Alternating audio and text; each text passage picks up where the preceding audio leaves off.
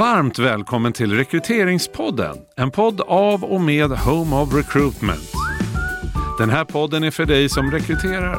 Sällan, ofta eller jämt. Här får du tips, idéer och råd. Allt för mer rättvisa och träffsäkra rekryteringar. Hej och välkomna till Rekryteringspodden. Så roligt att vara här. Idag är det jag, Anke Staverfelt, som sitter här tillsammans med min kollega. Yes, med mig, Josefin Malmer. Så roligt. Väldigt kul. Mm. Och eh, vi ska ju prata om ett ämne som vi kallar för ett konsultativt arbetssätt. Mm. Det här är ju någonting som vi pratar om otroligt mycket alltså Det är lätt att säga, men vad betyder det här? Ja, Exakt, man ska jobba konsultativt, man jobbar med rekrytering. Ja. Och eh, det här gäller ju oavsett om man är en extern rekryterare. Men många nu har ju också byggt upp interna rekryteringsfunktioner. Så det är ju kanske ännu mer den vad ska jag säga, vinkeln som vi kommer att prata ur idag. Att när man jobbar som intern rekryterare, hur kan man säkerställa att man faktiskt kan jobba på ett konsultativt sätt? Mm. Och vad menar vi med det här då? Ja, men precis. Det här kräver ju lite sin definition, tänker jag. Annars så blir det ju väldigt luddigt och, och, en stor risk att vi, vi tänker att vi tänker samma sak och så gör vi inte det. Eh, så eh, på Home of Recruitment så är det här någonting som vi pratar om väldigt mycket. En av de, alltså, eh, den stora liksom, anledningen till att vi ens drog igång Home of Recruitment var ju att vi ville bidra med, eh, liksom, vi ville förändra sättet eh, som verksamheter rekryterar på för att det ska bli schysstare rekryteringsprocesser och liksom mer träffsäkra, valida, eh, kandidatvänliga, mångfaldiga inte minst. Och där ser ju vi att det är liksom genom att vara konsultativa på riktigt, liksom att eh, få andra att förstå de här sakerna som vi kan eh, komma mot vår vision. Så när vi pratar om konsultativt arbetssätt och så som vi jobbar och så som alla våra homies är ute och jobbar på sina uppdrag så handlar det då om att det är ett arbetssätt som skapar ett lärande hos dem som vi samarbetar med. Allt som oftast då rekryterande chef. Men det kan också handla om en HR-avdelning eller, eller andra som, som liksom behöver få till sig de här kunskaperna. Så att, definitionen då, som vi tänker är att ett konsultativt arbetssätt handlar om ett sätt som skapar ett lärande hos rekryterande chef, en kunskap som finns kvar och som gör att chefen i större utsträckning kan hantera en liknande situation på egen hand nästa gång. Mm, för att vi ska inte behöva vara där hela tiden för att det ska bli rätt. Därför Nej. att då krävs det ju också enorma resurser förstås. Om det hela tiden ska ligga någon bakom för att det ska bli så bra som möjligt. Precis. Mm. Och en annan sak värt att nämna, som också är lite så här, på ordnivå, men eh, det finns ju otroligt många som titulerar sig rekryteringskonsulter. Eh, och det gör ju vi också emellanåt, så, men jag tänker att det finns... Eh, det, det, I det kan det ju ligga bara det att, bara, men att man är en extern person som kliver in och konsultar inom någonting. Men det här är lite, vi säger ju att vi är konsulter inom kompetensbaserad rekrytering snarare än att vi är rekryteringskonsulter. Och det handlar ju om att vi har det här liksom, sättet att jobba på konsultativt just. Och det som vi ska prata om nu tänker jag, det är våra spaningar som vi har gjort längs vägen. För vi har haft förmånen eh, tack alla för det, eh, att faktiskt få komma in i ett antal olika eh, verksamheter och titta på de här sakerna. Hur ser det ut med förutsättningarna att faktiskt bidra med ett lärande eh, kring kompetensbaserad rekrytering? Och det handlar om lite olika delar. Mm. det här kan man också, om man är nyfiken, läsa mer om på vår hemsida, tänker jag, där det finns lite bloggtext om det här också. Men lite spaningar som vi har gjort. Vilka förutsättningar påverkar eh, möjligheterna att jobba just konsultativt. Mm. Och då är det sammanfattat lite pedagogiskt då i fem olika punkter. Japp. Och då kanske du kan börja med att berätta om den första punkten. Vad är det? Ja, Nej, men den första punkten handlar väldigt mycket om organisationen. Och då hur är själva rekryteringsfunktionen organiserad när man har en sådan inhouse? Finns det förutsättningar för de som jobbar inom den här funktionen att faktiskt liksom bygga kompetens, bygga förståelse och bygga relationer med övriga inom verksamheten. Med chefer, rekryterande chefer med rekryterande då, inte chefer. minst. Ja, mm. precis. Har man i rollen som inhouse-rekryterare så pass mycket kontaktyta, tid, så pass mycket möjlighet att bygga förtroende, liksom fulla relationer mm. till dem man samarbetar med eller inte. Mm. Och det beror ju då på såklart hur många är det som man hjälper med rekrytering och, och på, i vilka delar eh, kommer man in också och vilka delar samarbetar man kring och så vidare. Mm. Men, ja. Och jag tänker att eh, om man jag menar motsatsen någonstans blir ju att man faktiskt är en rekryteringsbyrå internt. Mm. Det vill säga, man funkar som en rekryteringsbyrå där chefen kommer, nu har jag ett behov. Mm. Och så får man det i knät och så ska man genomföra den rekryteringen. Och vissa och, väljer ju att ha det så.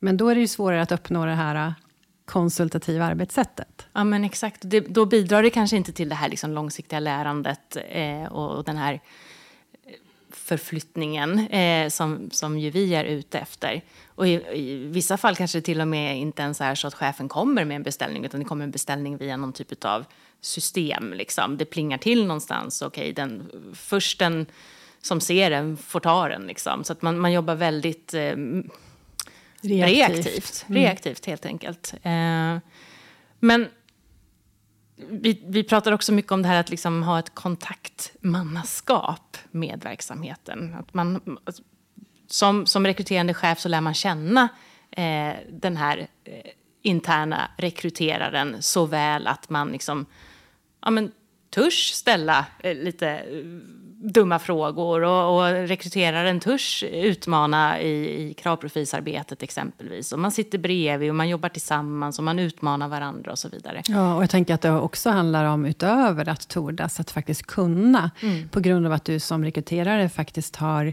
lärt känna organisationen till den grad att du faktiskt kan bidra med att, jaha, men du, jag hörde att jag träffade den här chefen igår och de ska rekrytera en liknande roll. Har ni pratat ihop er? Alltså att man kan ju vara konsultativt på ett helt annat sätt då, när man faktiskt har fått tillgång mm. till organisationen mm. och förstår den och vet vad som händer och kan affärsplanerna och sådär. Precis. Så det är ju både organisation men också hur mycket tid som faktiskt ja. man har möjlighet att lägga i varje rekrytering och i varje relation ja. som man har. Så. Och för att förstå eh, verksamheten. Mm. Men så den första delen är eh, helt klart liksom, organisation. Ja. ja. Och den, eh, punkt nummer två? Punkt nummer två. Den, den andra viktiga eh, förutsättningen, eh, det är eller förutsättningen, men liksom det som påverkar är såklart också rollfördelningen mellan rekryterare och rekryterande chef. Vem gör vad i rekryteringsprocessen? Vilka delar gör man tillsammans? Hur stor del av rekryteringsarbetet hanterar rekryteraren? Och eh, sen liksom bara inom citationstecken då lämnas över till rekryterande chef. Och hur mycket gör man med, med liksom riktig så här, armkrok? så. Och det här påverkar ju också synen på sin egen roll som intern rekryterare. Eh, ser vi på vårt uppdrag som att vi liksom ja, men vi ska leverera eh, det som eh, vi får förfrågan om att hjälpa till med? Eller ser vi på vår roll som att vi ska absolut såklart leverera, men vi ska också bidra med någonting annat, någonting ytterligare i vår leverans, eh, tänker jag. Som, som blir ganska tydligt i just den här ansvarsfördelningen. För om det handlar om att man är en intern rekryteringsbyrå. Som gör nästan allt. Ja. Ja men då finns och så lämnar man över någon slutkandidat. Mm. Mm.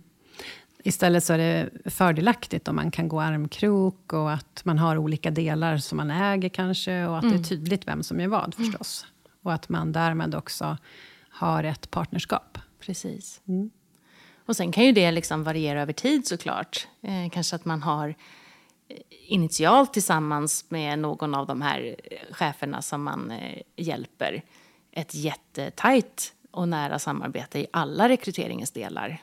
Men sen vartefter man just har bidragit med det här lärandet hos chefen så, så landar man båda två i att säga, nej men vet du, i nästa rekrytering då kommer jag nog inte ens behöva att du sitter med i första intervjun för nu har jag förstått hur det här går till. Liksom. Och, och, jag vet varför jag ska fråga som jag ska fråga och jag kommer kunna tolka svaren på ett bra sätt själv. och Så, där. så mm. Det här behöver ju inte alltid se ut så, men att det ändå finns liksom en möjlighet att kroka arm i, eh, i alla delar mm. för att bidra med det här lärandet. Bra. Och punkt tre, vad är det? Punkt tre handlar om vad har vi som rekryterare för verktyg i vår verktygslåda. Sitter man någonstans eh, och inte har så mycket liksom att eh, använda sig av så är ju risken överhängande att det inte blir någon tid kvar till att jobba konsultativt. Utan man behöver jobba liksom manuellt med alla delar. Du tänker på digitala ja. Finns, finns det ett systemstöd? Ja. Finns det screeningtester? Har vi möjlighet att koppla på urvalsfrågor? Eh, har vi tagit fram och preppat liksom, med bra processer för våra rekryteringar? Har vi gjort de här övningarna kopplat till att ta fram ordentligt bra genomtänkta kravprofiler med tillhörande intervjuunderlag och så. Men då behöver jag inte sitta och uppfinna det mm. varje gång. Utan då Digital kan jag lägga tiden på det här. Mm. Ja, mm. att bidra med den här liksom, förståelsen för varför och öva tillsammans. Och vad sägs om att vi testar det här? Och det där var en bra fråga. Men, men den andra frågan du ställde där, kände du själv att den gav någonting? Nej, kanske inte. Så, alltså, såklart. Alltså, det är ju tiden mm. som vi vill komma åt. Eh, vi vill få mer frigöra mer tid för att kunna vara konsultativa. Och det påverkas av vad vi har för verktyg. Ja, så att säkerställa att man förhoppningsvis får så och har så många verktyg som möjligt. Mm. Förutsättningar som gör att man kan jobba mer effektivt och då få tid över till mm. att ägna tid till att vara konsultativ och lära ut och så. Ja. Mm. För utan verktyg, ja men som sagt, då räcker inte tiden till. För Nej. det är ju ändå mycket tiden det hänger ja. på. Mm. Och punkt fyra? Punkt fyra, den är ju lite intressant. Det här är ju en, en eh, tydlig spaning som vi gör. Eh, jag tänker att jag kan gå till mig själv, jag kan kika på dig och jag kan kolla på alla mina kära homie-kollegor också. Alltså vi har ju alla, nästan alla i alla fall, som jobbar med den här typen av frågor har mycket service i oss. Liksom. Eh, vi tycker om att hjälpa till och vi vill finnas till hands och vi ställer upp och vi liksom, ja men det fixar jag och jag kan hjälpa till med det och sådär.